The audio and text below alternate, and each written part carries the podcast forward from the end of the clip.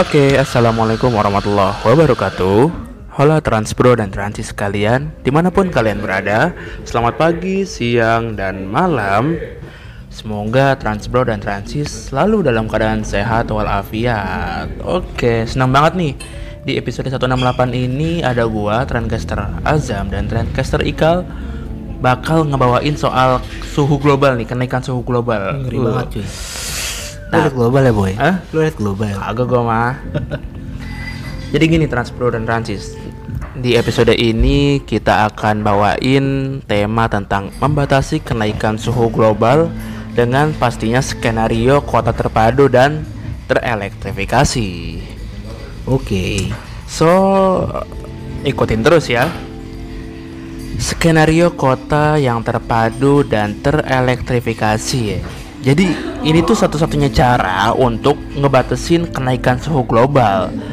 Ya bisa kurang kira-kira 1,5 derajat Celcius yang ditargetkan dalam Paris Agreement sehingga dapat terhindar dari efek buruk perubahan iklim ya kan. Ketika pandemi COVID-19 telah pulih, kita harus memilih skenario tepat nih, ya kan? Waktu COVID-19 itu kan kayak sebuah apa? angin segar gitu. Maksudnya ada eh, suhu global turun karena interaksi manusia di luar kurang kan. Oke. Nah, oke lanjut. Jadi bagaimana sih kota kita nih perlu berkembang ke depannya? Studi the compact city skenario uh, electrified uh, yang dirilis oleh ITDP menunjukkan dari empat skenario yang dilakukan. Jadi dari empat skenario nih, Oke. cuman satu yang bisa dijalankan secara konsisten. Nah, dampaknya bisa membatasi kenaikan suhu global hingga kurang dari 1,5 derajat Celcius nih. Nah, dari tadi gue mulai ngomong nih ya, gue pengen nanya nih ke Ikal nih.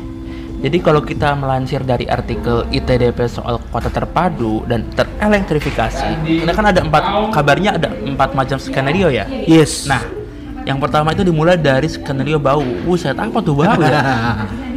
Nah, bagaimana sih maksudnya? Monggo. Iya, skenario dasar tuh business as usual atau BAU gitu ya. Di mana pembangunan kota masih berorientasi pada kendaraan bermotor. Penggunaan mo- mobil atau motor akan terus meningkat dan sebagian besar masih pakai BBM. Iya. Di mana emisi karbon naik, biaya juga naik, biaya apa perjalanan ya, polusi naik, penyebaran wilayah makin banyak, kemacetan makin makin, kesehatan low, turun karena polusi. Iya, jelas. Nah, eh dari eh, apa ya istilahnya ya? Dari skenario dasar itu menghasilkan 119 GT CO2 yaitu eh, gigaton karbon dioksida gitu ya. Nah, dengan catatan ambang batas 1,5 derajat Celcius itu tidak lebih dari 65 GT CO2 gitu. Nah, sementara kalau pakai skenario ini ya ini hasilnya Oke. apa yang namanya 119 GTCO gitu. Nah, terus eh, skenario kota terpadu ada plus minusnya nggak sih? Ya kalau di skenario kota terpadu ya, Compact City itu kan pembangunan kotanya padat. Penataan ruangnya berorientasi pada transportasi publik, sepeda dan juga pejalan kaki gitu kan. Namun sebagian besar kendaraan bermotor masih juga pakai BBM. Iya. Nah itu eh, menghasilkan emisi karbon menurun, biaya perjalanan atau biaya bensin, biaya operasional juga menurun, polusi juga bisa menurun, penyebaran wilayah jadi compact menurun ya, nggak nggak spray apa nggak nggak sprawling, kemacetan juga bisa terkendali dan kesehatan bisa naik. Tetapi karena masih ada kendaraan seliwuran pakai BBM, nah itu menghasilkan 86 Oke. gigaton karbon dioksida gitu jadi ya menurun sih itu masih tapi masih tetap di bawah apa masih tetap di atas eh, kesepakatan 1,5 derajat Celcius itu yang di Oke, Paris iya. Agreement yang mana harus 65 GT CO2 gitu loh Zam. Kalau gitu. Nah, terus bagaimana nih dengan skenario elektrifikasi kendaraan bermotor? Nah, itu ada plus minusnya nggak sih? Nah kalau udah elektrifikasi ya, eh, emisi karbon turun, tapi biaya perjalanan naik. Nah, gitu. Karena iya. karena kan lebih ke pribadi gitu kan. Polusi bener turun karena udah udah elektrifikasi kan. Penyebaran wilayah tetap scrolling. Kemacetan tetap ada. Kesehatan ya tetap aja menurun. Ya karena bukan masalah polusi, tapi faktor capek, Nah, segala macam. Jadi memang kabarnya seluruh kendaraan bermotor di dunia ini telah ditargetkan telah terelektrifikasi tahun 2040 lah gitu lah ya. Namun ya kalau kendaraan namun ya kalau kendaraan yang terelektrifikasi tapi pembangunan kota masih orientasi pada kendaraan bermotor bukan mobilisasi pada manusia ya itu tetap scrolling gitu. oke. Makanya iya. penyebaran wilayah tetap naik. Nah, menurun lagi nih eh, has, menghasilkan 75 gigaton CO2. Tapi tetap ambang batasnya itu 65 GT Hmm. CO2. Masih belum, ya ga? Nah, bagaimana kalau skenario kota terpadu dan skenario elektrifikasi itu eh maksudnya skenario nya kendaraan motor tuh dikombin, digabungkan. Oke. Nah, apakah ada plus minus juga di situ?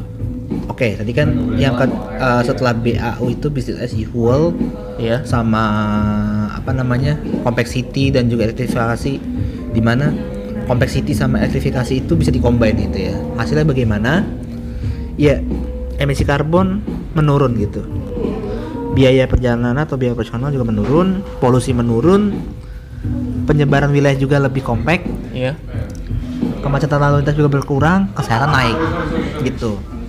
Nah, kota yang terpadu dan terelektrifikasi ini, jadi kan eh, teorinya atau definisinya lah ya, pembangunan kota yang padat gitu, serta penataan ruangnya berorientasi, berorientasi pada transportasi publik. Eh, itu eh, selain transportasi publik ya sepeda dan pejalan kaki itu ya, dan juga yang armada-armada yang sudah masih seliuran nih, armada yang seliuran di jalan, itu udah listrik semua gitu, baik itu bisnya ataupun ya mobil pribadi, tetap dong, tetap ada pribadi dong, atau motor pribadi lah ya. Nah, hasil dari ininya nih eh, penurunannya itu udah eh, di ini nih udah di bawah ambang batas kesepakatan Paris Agreement yang yang mana 65 gigaton CO2. Hmm. Nah, skenario ini menghasilkan 60 GT CO2. Malah itu bagus kan? Gitu loh. Iya. Berarti skenario ini bisa diterapkan nih gitu. Dan ya nggak tahu ya, tapi ini kan hanya teori saja gitu. Nah, Penerapannya sebenarnya ada di episode eh, di episode kemarin yang tentang pola kebijakan pola kebijakan pasca BBM. Iya, itu bisa menjalar ke sini nih arahnya Nah, nih. iya. gitu. Nah, terakhir nih. Eh, bicara soal pembatasan kenaikan suhu global yang dicantumkan pada Paris Agreement, kira-kira ada empat skenario di manakah yang memasuki kriteria terbaik dari empat skenario itu? Iya. Bener sih. Tetap skenario terbaiknya adalah tadi itu yang dijelasin. Oke. Complexity dengan transportasi yang terklasifikasi. Di mana itu menghasilkan 60 GT CO2 gitu. Jadi eh, satu-satunya cara untuk membatasi kenaikan suhu global hingga kurang dari 1,5 derajat Celcius yang ditargetkan Paris Agreement itu men- itu ditargetkan dapat terhindar dari efek terburuk perubahan iklim. Gitu katanya Oke. dalam teorinya gitulah ya. Oke gitu. Eh Oke, jadi kan bener kan eh, dari empat skenario eh, dimulai dari skenario dasar kota yang terpadu, elektrifikasi kendaraan. Nah, itu Yang yang combine-nya. yang combine-nya kota yang terpadu plus terelektrifikasi itu skenario-nya untuk mengurangi suhu global ya kan. Iya. Nah, semoga implementasinya benar. Betul, harapannya sih gitu Zam. Oh. Karena kita udah bikin teorinya nih tinggal eh, implementasi misalnya di daerah-daerah yang kiranya bisa dijadi compact city yang punya eh, urban sprawl-nya kecil. Oke. di, di Indonesia gitu masih bisa terkontrol. Dijadiin pilot project misalnya nggak cuma nggak harus Jakarta lah. Tapi entah kota mana gitu yang Bisa misalnya masih bisa dijadikan pilot project. Uh, um, atau mungkin kayak Palembang masih bisa dikecilkan sprawlingnya. Nah, dengan mungkin kalau ke depannya itu pemerintah eh, komit gitu ya komit dengan menjalankan operasional bis listrik semua gitu ya. di teman bus ataupun apa dengan operasional yang nggak gimmick-gimmick kayak Surabaya gitu atau Bandung ya itu emang goblok menurut gua Ba- sih Bapak ini sangat terbuka sekali ya, sangat-sangat membuka Iya ya. bener gitu. Jadi kalau kita mau shifting, shifting sekalian lah gitu. Pelan, Iya. Memang pelan-pelan, nggak susah, nggak gampang, nggak susah, nggak gampang, gitu. Yang penting konsisten komit gitu loh. Nah yang yang pasti kalau udah te- ketersediaannya ada, yang nomor tiga ini elektrifikasi kendaraan bermo nggak cuma bermotor ya, Iya. apa?